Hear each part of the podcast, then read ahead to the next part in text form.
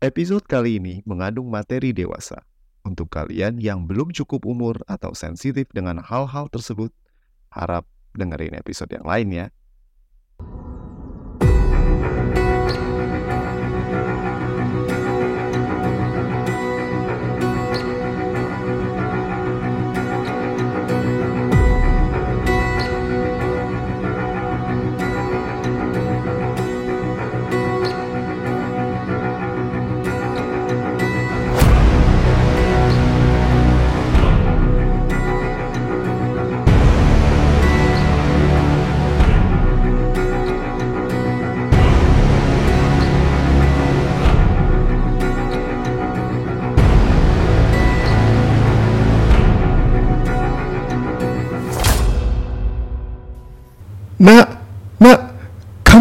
Kamu, kenapa nak? Ah, ayah, aku, aku boker. Kakak lempar tombak. De Deliades, tidak. Dan demikianlah, Deliades menghembuskan nafas terakhirnya.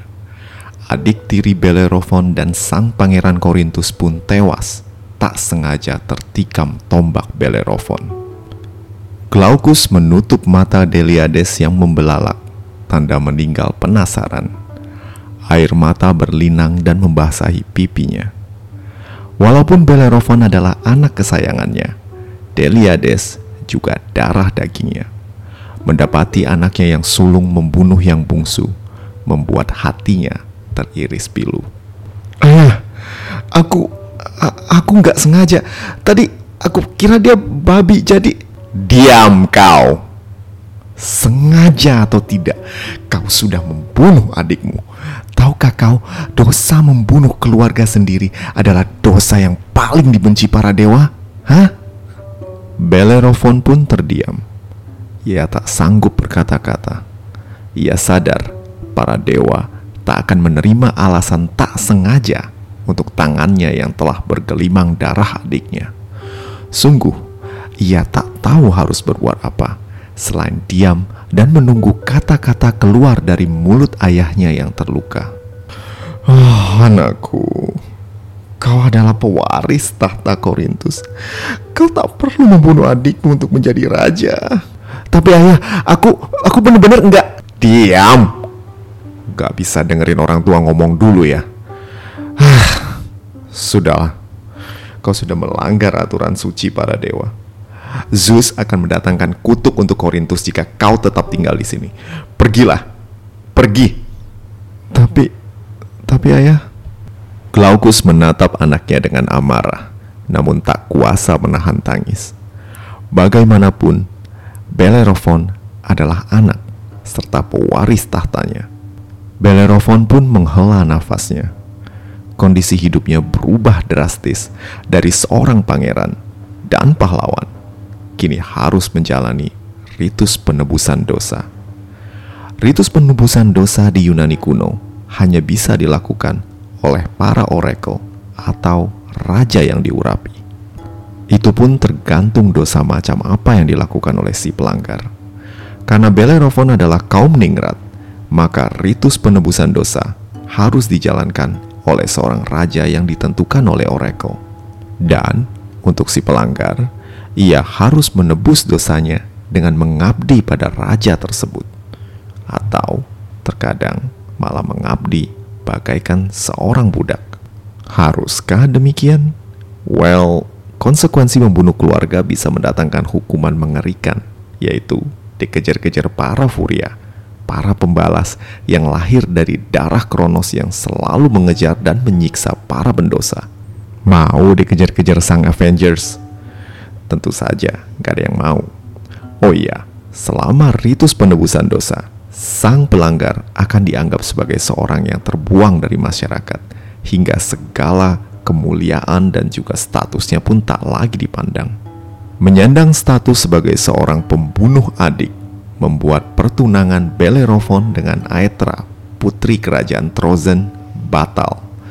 Dan buat kalian yang setia dengerin mitologi santuy dari awal, mungkin gak asing dengan nama Aetra. Aetra adalah ibu dari Theseus, sang penakluk Minotaur. Apparently, pernikahannya yang batal dengan Bellerophon membuka arc story baru dalam mitologi Yunani. Aethra yang batal tunangan dengan Bellerophon kelak akan bertemu dengan Aegeus dan had a one night stand yang berbuah anak yang bernama Theseus.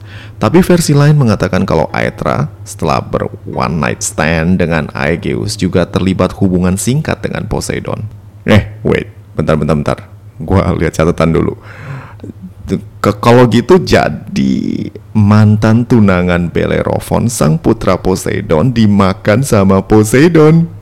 Astaga, ah udahlah, males gua ngegibah. Anyway, atas petunjuk Oracle, Glaucus mengirim Bellerophon ke kerajaan Mycenae yang dipimpin oleh seorang raja paruh baya bernama Protus untuk mengabdi sebagai bagian dari ritus cuci dosa. Untungnya, Protus adalah sobat lama dari Glaucus. Selain itu, Mycenae terletak tak jauh dari Korintus, sehingga Glaucus bisa mengawasi Bellerophon sekaligus menolongnya jika terjadi hal yang tak diinginkan. Namun tampaknya Moros sang nasib punya niat yang tak terselami oleh akal manusia. So, Raja Protus punya seorang istri yang jauh lebih muda darinya bernama Steneboya. Ah, well, karena namanya susah dan kalian juga bakalan lupa ntar lebih baik gue ganti namanya jadi ah, sebut saja namanya Mawar, oke? Okay? Gue bakal panggil dia sebagai Mawar sekarang. So, Ratu Mawar masih berumur 20-an sumuran dengan Bellerophon ketika ia dikirim ke Mycenae. Dan sang ratu yang cantik dan anggun punya dark secret behind her looks. Ia tak puas dengan sang raja yang udah setengah tua dan sibuk ngurusin urusan kerajaan. Sang raja jarang pulang, so Mawar rada kesepian. Sang ratu diam-diam suka memanggil pelayan-pelayan pria muda ke kamarnya dan well ya lu tebak aja yang apa yang terjadi di dalam kamar itu. Protus tahu hal ini dan sudah mengingatkan Mawar untuk tidak main belakang dan bikin aib. Tapi ya gitu deh. Gelora nafsu Mawar lebih besar ketimbang rasa hormatnya buat Protus dan ketika Bellerophon yang tampan, tegap, dan terkenal sampai di balairung istananya, Matanya menatap Bellerophon bagai binatang kelaparan. Ulala, muda, ganteng, berotot, boleh nih gua jajal. Demikian pikir sang ratu tanpa memperhatikan bagaimana suaminya menerima sang pemuda sebagai tamunya.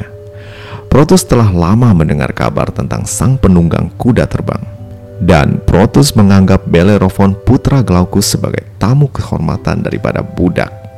Sang raja mengajak Bellerophon minum-minum dan pesta tujuh hari tujuh malam, memintanya untuk bercerita tentang petualangannya dan tentu saja memintanya memanggil Pegasus. Sang raja begitu terkesima melihat Pegasus, kuda terbang yang tak pernah ada sebelumnya sang raja semakin ramah pada Bellerophon dan ketika Bellerophon memintanya untuk mengabdi sebagai bagian dari ritus nebus dosanya, Protus hanya bilang, "Santai aja, Pon. Chill aja, chill. Perkara gampang itu. Yolah, ayo minum lagi." Sudah dua minggu lamanya Bellerophon berada di istana Mycenae dan hari-hari dihabiskannya dengan pesta bersama sang raja. Dan akhirnya di hari ke-15, Raja Protus mohon pamit pada Bellerophon karena ada urusan kenegaraan. Pon, santai aja di sini. Gua pergi cuma tiga hari. Anggap aja ini rumah lu sendiri. Ingat, Senia, Senia. Tamu adalah rojo, begitu kata Zeus. so, kalau lu ada butuh apa-apa, lu ngomong aja sama si ratu ya, oke? Okay? Ntar gua ada balik kita minum-minum lagi. Oke? Okay? Gue cabut dulu ya. Ciao. Dengan kepergian Protus, kini Bellerophon nganggur. Biasanya ia hanya menemani sang raja berburu atau minum-minum. Kali ini dia nggak tahu mesti ngapain. Ya elah, kata bokap gue mesti ngabdi biar bisa cuci dosa. Lah ini kerjaan gue tiap hari cuma minum-minum doang. Lah mau ngapain lagi gue sekarang? Bellerophon yang gabut kemudian pergi ke gimnasium dan berlatih tombak serta pedang dengan pengawal istana. Keahliannya bermain tombak dan pedang membuat dia menjadi tontonan menarik bagi para bangsawan dan tentu saja Ratu Mawar. Sang ratu mengamati Bellerophon yang kekar dan tertarik dengan kejantanannya yang bagaikan magnet menarik nafsu darah muda sang ratu. Usai berlatih pedang, Bellerophon pun kemudian dipanggil sang ratu ke kamarnya. Bellerophon punya firasat buruk dengan panggilan sang ratu. Namun dia tak kuasa menolak karena sang ratu adalah wakil Raja Protus dan mengingkarinya berarti melanggar ritus pencucian dosa. Bellerophon pun pergi ke kamar sang ratu dan herannya para pelayan dan penjaga tidak terlihat di kamar ataupun di pintu kamar. Bellerophon pun masuk ke kamar setelah mengetuk pintu. Apa yang bisa aku bantu yang mulia? kata Bellerophon dengan sopan. Oh, please, Bellerophon. Jangan panggil aku yang mulia. Panggil aku Mawar saja. Um, mm, maaf yang mulia, Anda seorang ratu dan aku cuma orang buangan, jadi rasanya tidak pantas jika aku... Ah, kau terlalu merendah, ganteng. Siapa sih yang gak kenal sama Bellerophon? Si pahlawan penunggang Pegasus. Itu dulu. Sekarang aku hanya pelayan, bahkan bisa dibilang budak yang mulia Protus. Oh iya, um, yang mulia, omong-omong, apa yang bisa aku bantu? Hmm, hanya perkara kecil. Aku cuman kepengen ngobrol berdua sama kamu di kamar ini. Aku ingin mengenalmu luar dan dalam. Hah? Eh, maaf mawar. Eh yang mulia. Uh, aku nggak layak dan gak boleh. Aku aku ke sini atas kemurahan hati yang mulia yang mau menyucikan dosaku. Masa aku? Dia nggak perlu tahu. Kita nggak usah bilang siapa-siapa. Ayo dong ganteng. Astaga. Nggak nggak. Uh, nggak deh. Nggak nggak. Maaf maaf. Uh, aku aku ke sini untuk nyuci dosa aku nggak mau diajak bikin dosa lagi Mawar tak putus asa dan memeluk Bellerophon tanpa malu, berharap pelukan hangatnya akan membangkitkan hasrat pemuda gagah tersebut. Tapi Bellerophon malah meronta dan melepaskan diri dari pelukan sang binor yang terjatuh kepalanya kemudian menabrak sisi tempat tidur. Bellerophon beranjak pergi, sementara sang ratu memaki-maki Bellerophon. Keesokan harinya, Raja Protus kembali dari perjalanannya dan mendapati istrinya menangis terseduh-seduh dengan kepala bilur. Dengan skill drama queen yang melebihi back kiri Manchester United, Mawar pun mengadu pada suaminya kalau Bellerophon masuk ke kamarnya dan berusaha merayunya untuk melakukan hal-hal yang bukan muhrimnya. Tentu saja Mawar bilang kalau ia menolak, tapi Bellerophon memaksa dan Mawar menghindar sehingga kejedot pintu ketika kabur Protus tak butuh penjelasan lebih lanjut dari Bellerophon mengenai perkara ini dan ia pun memanggil Bellerophon untuk menghukumnya. Ketika sampai di hadapannya, Protus marah besar dan lupa bagaimana ia begitu ramah pada tamunya tersebut. Eh, pacingan, kue baik-baikin malah lu mau makan bini gue. Lu punya otak gak sih? Ke sini jauh-jauh pengen nebus dosa, kok malah nambah dosa? Baginda, aku Bellerophon tidak melanjutkan kata-katanya. Matanya melirik ke sang ratu yang tampak puas melihat kemarahan suaminya dan betapa tak berdayanya Bellerophon. Sadar kata-katanya tak akan menolongnya. Bellerophon memilih diam. Eh, kenapa diem? Hah? Ngomong dong. Bilang kalau lu gak sengaja kayak lu bunuh adik lu sendiri tuh. Mau ngomong apa lu? Gak sengaja kepengen tidurin bini gue. Hah? Kalau bukan karena hukum seni ya, lu udah gue pancung sekarang. Lu kepengen tebus dosa kan? Hah? Oke, ini tugas lu. Bawa surat ini ke mertua gue, Raja Iobates di Likia. Bilang sama dia, baca surat ini. Dan biar dia yang nebus dosa lu. Mampus lu, ganteng-ganteng sok jual mahal. Biar aja kali ini lu bakal jadi ganteng-ganteng mateng. Bellerophon pun dengan patuh menerima tugas sang raja dan tanpa membantah satu kata pun. Walau dirinya tak bersalah, ia tak ingin menimbulkan perselisihan lebih lanjut yang malah bikin situasi tambah ruwet. Ya wis lah, para dewa juga tahu kalau gua nggak salah. Demikian pikirnya.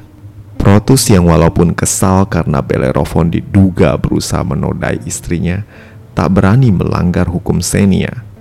Hukum Senia adalah hukum menghormati tamu yang ditetapkan oleh Zeus sendiri.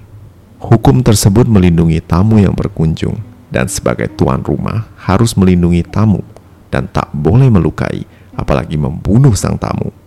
Melanggar hukum Senia berarti akan mendatangkan murka Zeus yang pemarah. Inilah sebabnya Protus tidak membunuh Bellerophon dan memilih menggunakan tangan mertuanya untuk menyingkirkan Bellerophon. Nah, apakah yang akan terjadi pada Bellerophon? Akankah ia jadi korban fitnah binor kesepian? Tunggu sampai minggu depan, maka kita akan dengarkan episode selanjutnya dari petualangan Bellerophon. Sebelum bubaran, gue pengen ngucapin terima kasih untuk teman-teman yang udah dukung gue di podcast mitologi santuy ini. Bantuan kalian benar-benar sangat membantu kelangsungan podcast ini. Buat kalian yang pengen ngebantu gue, silahkan mampir ke laman traktir mitologi santuy yang ada di deskripsi episode. Udah dulu ya, ciao.